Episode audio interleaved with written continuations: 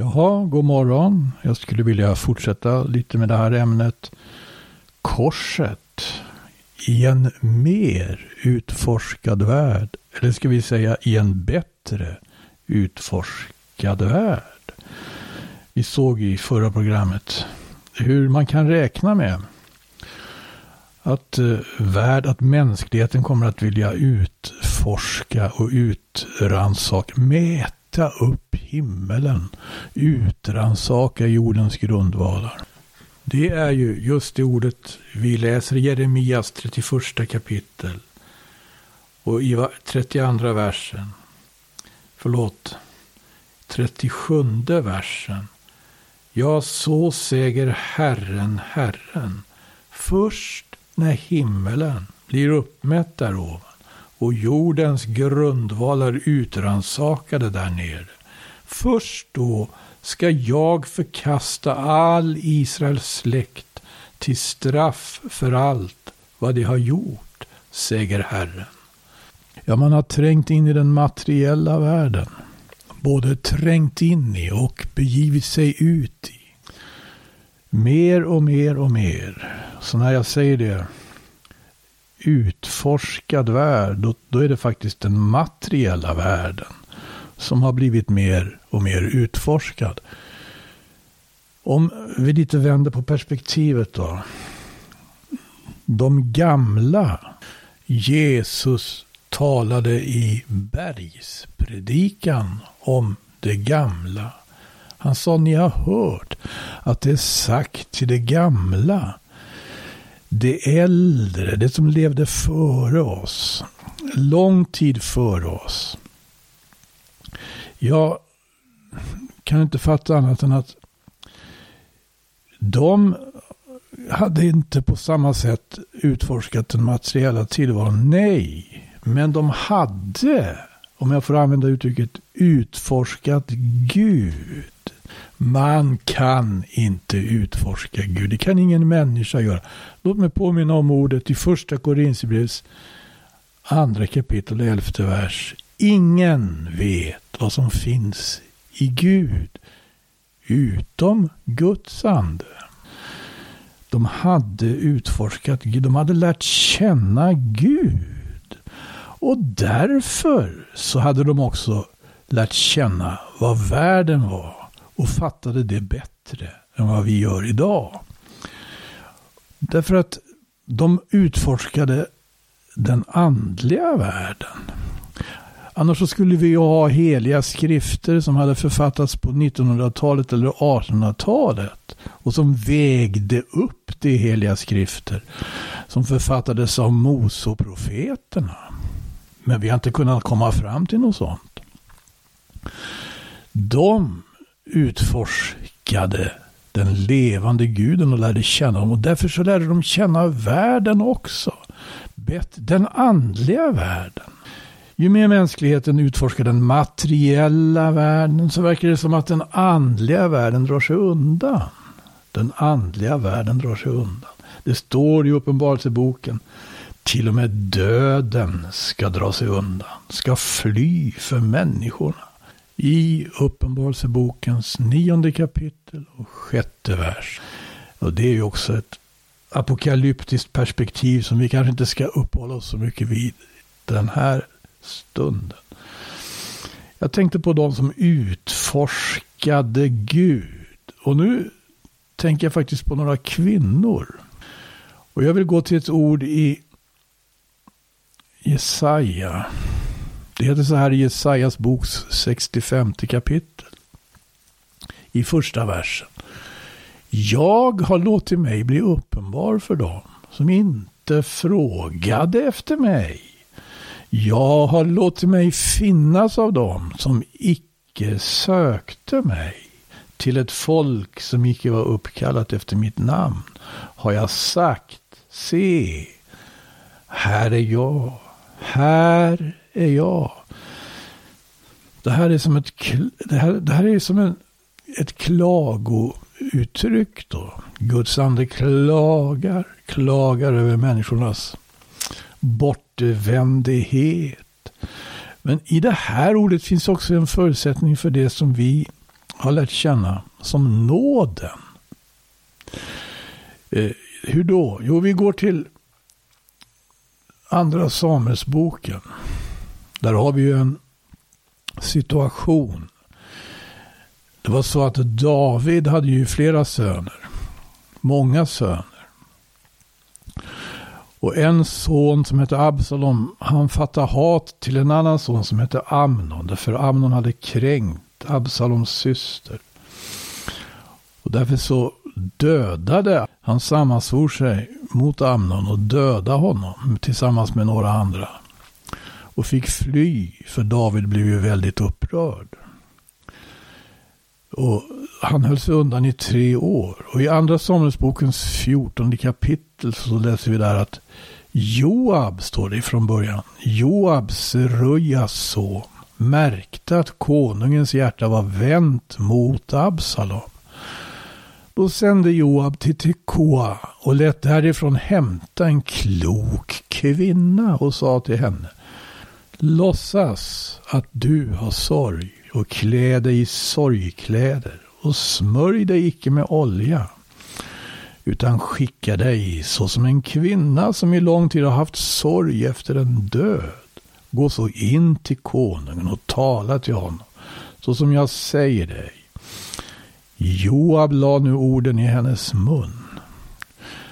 Den här kvinnan, den här kloka kvinnan, hon nalkades alltså David, inte Gud, men hon nalkades David och David hade med Gud att göra.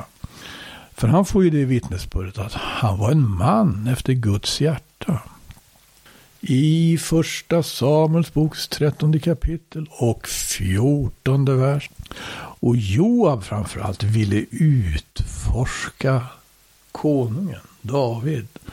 Vad hade han egentligen för tankar? Det verkar som att Joab var faktiskt angelägen här om försoning. Att det skulle ske en försoning. Vad hade Joab möjligen för avsikter med det?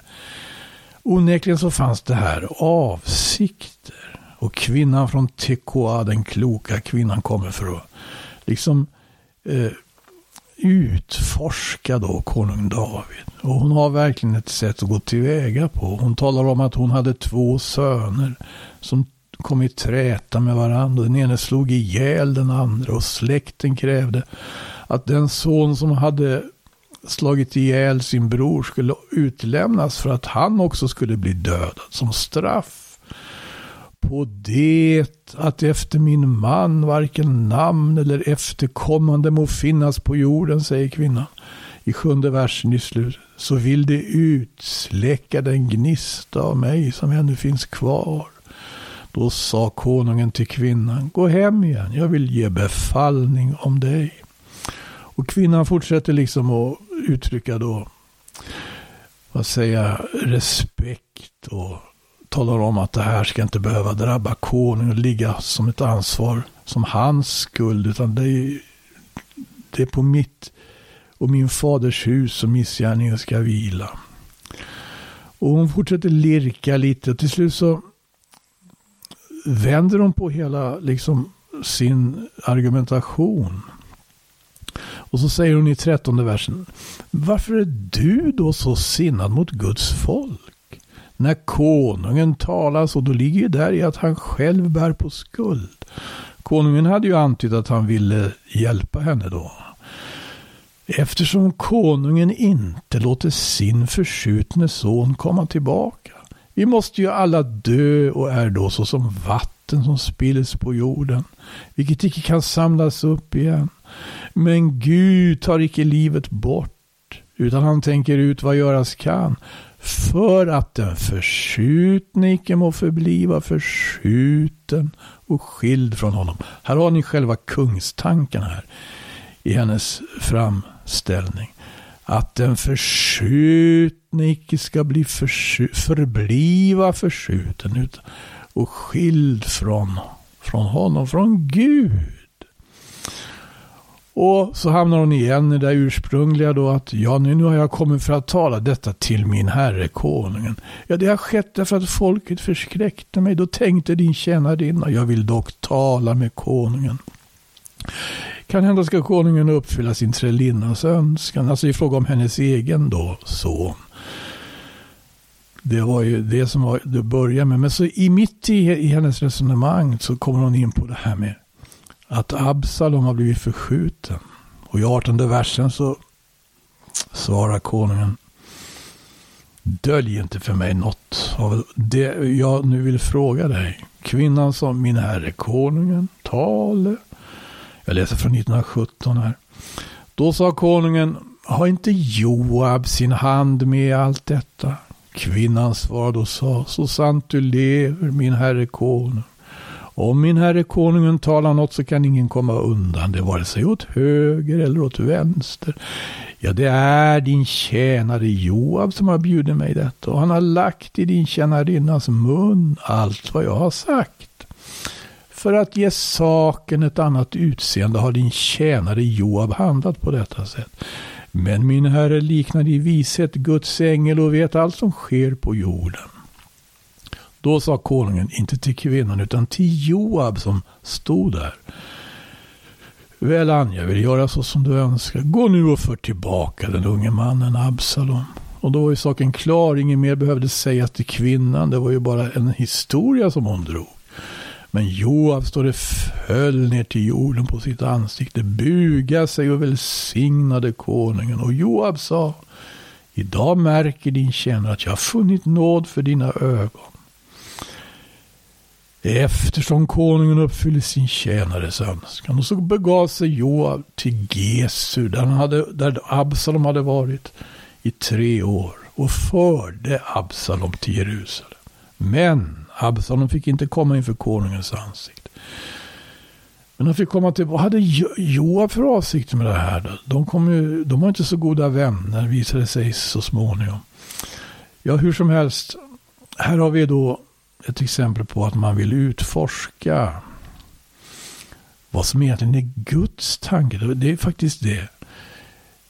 Och det är ju inte helt fel det att föreställa sig att Gud skulle föredra försoning framför vedergällning. Det här är ju också någonting som profeten Hesekiel formulerar på ett oslagbart sätt. Menar du, säger han, jag tror att det är Sekels 18 kapitel. Menar du att jag skulle ha lust, att Herren skulle ha lust till den ogudaktiges död och inte fast mer därtill, att han omvänder sig och får leva. Profeten Hesekels bok kapitel 18 och vers 23.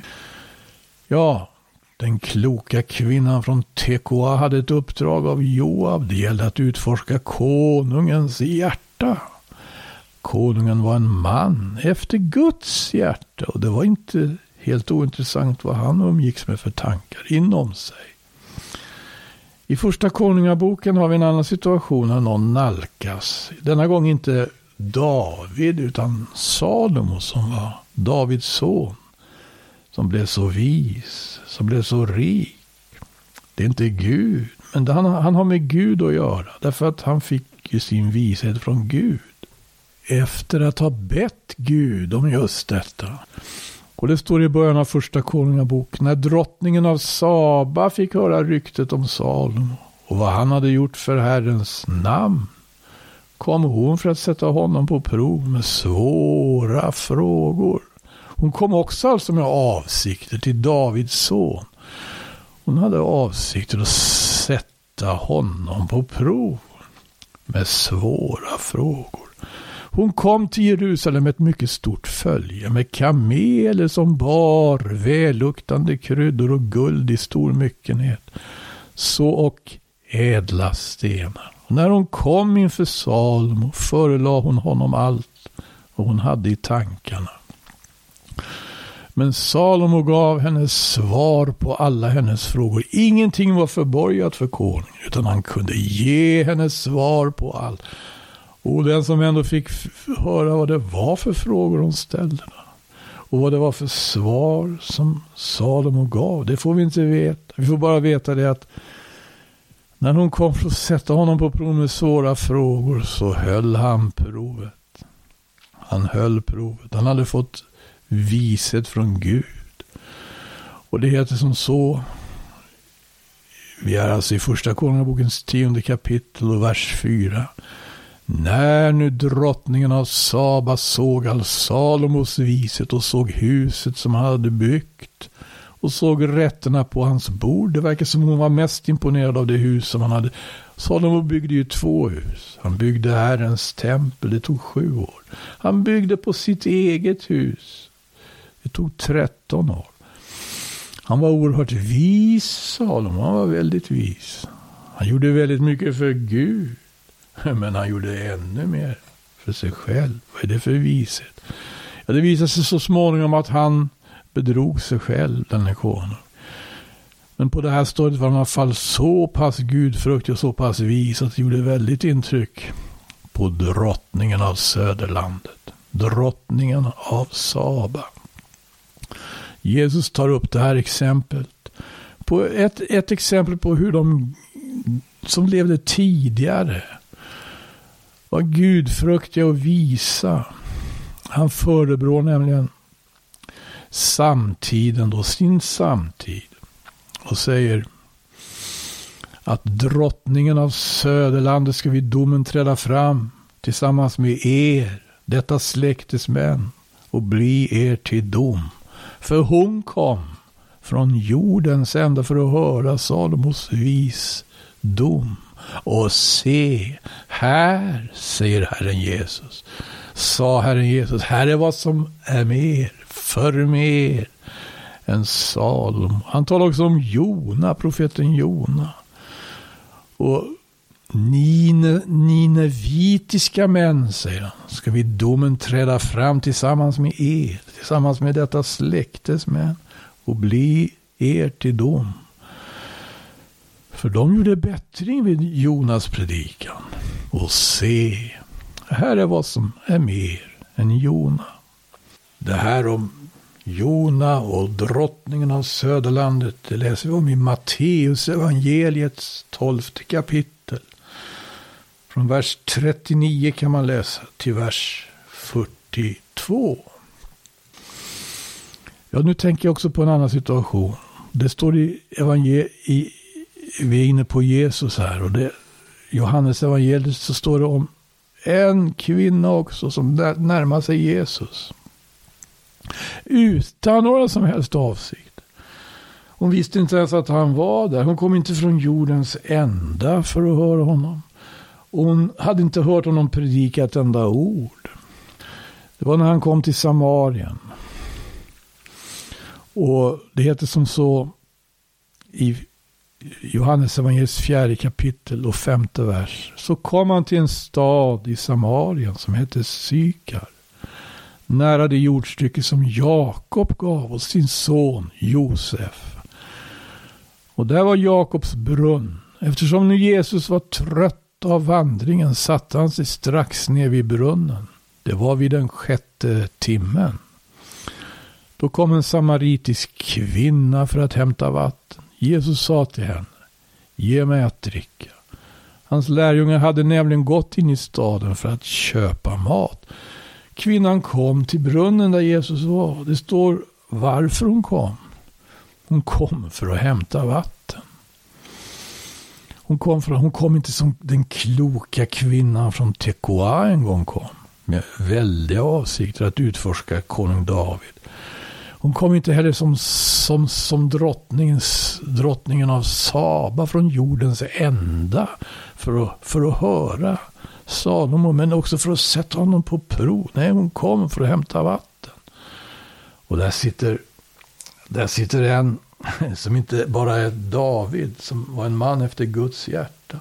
Eller som inte bara är Salomo som hade fått vishet från Gud. Där sitter han som själv är Gud, Guds son och Gud själv. Enligt den här urkristna, ska vi säga hymnen eller bekännelsen. Gud uppenbarad i köttet, rättfärdigad i anden, sedd av änglar, predikad bland nationerna, trodd i världen, upptagen i härlighet var, var finner vi det? Det är inte det i första Timoteus tredje kapitel. någon av de sista verserna där. Och Ge mig att dricka, sa han, Jesus till den här kvinnan. Hans lärjunge hade nämligen gått in i staden för att köpa mat. Då sa den samaritiska kvinnan till honom, hur kan du som är jude be mig som är en samaritisk kvinna om något att dricka? Judarna har nämligen ingen umgängelse med samariterna. Så än så länge så har vi alltså den här situationen. Hon kom för att hämta vatten. Hon mötte Jesus. Jesus säger ge mig att dricka. Och han är jude. Och hur kan han överhuvudtaget då vända sig till henne? Med en begäran om att få något att dricka. Ja, då kommer Jesus in på sitt ärende här. I tionde versen. Jesus svarade och sa till henne. Förstod du Guds gåva? Och vem den är som säger till dig. Ge mig att dricka så skulle, så skulle istället du ha bett honom. Han skulle då ha givit dig levande vatten. Här sitter Jesus trött och, och törstig. Och situationen som uppstår ser han ett tillfälle att ur sitt väsen hämta den rikedom som han faktiskt representerar. Gud var det lov för hans outsägligt rika gåva. Aposteln Paulus fick i uppdrag att predika för nationerna, för hedningarna, evangelium om Kristi outrannsakliga rikedom. Efesierbrevets tredje kapitel och åttonde vers. På tal om att utrannsaka, på tal om att forska, på tal om att mäta. Här har vi någon som representerar en outrannsaklig rikedom och en omätlig vidd. Även om han är trött och törstig. Kvinnan sa till honom, Herre du har ju inget att hämta upp vatten med och brunnen är djup, varifrån får du det friska vattnet? Inte är väl du för mer än vår fader Jakob? som gav oss brunnen och själv med sina barn och sin boskap drack ur den. Samtalet fortsätter. Ja, då har vi sett det här. Tre exempel från skriften på hur man vill att utforska någon som har med Gud att göra. Eller den som själv är Gud. Ja, lycka till. Tre exempel, eller tre olika slags teologi. Kvinnan från TKA representerar en teologi som också finns representerad i vår tid. Som försöker förändra Gud. Som försöker förändra Guds sätt att förhålla sig.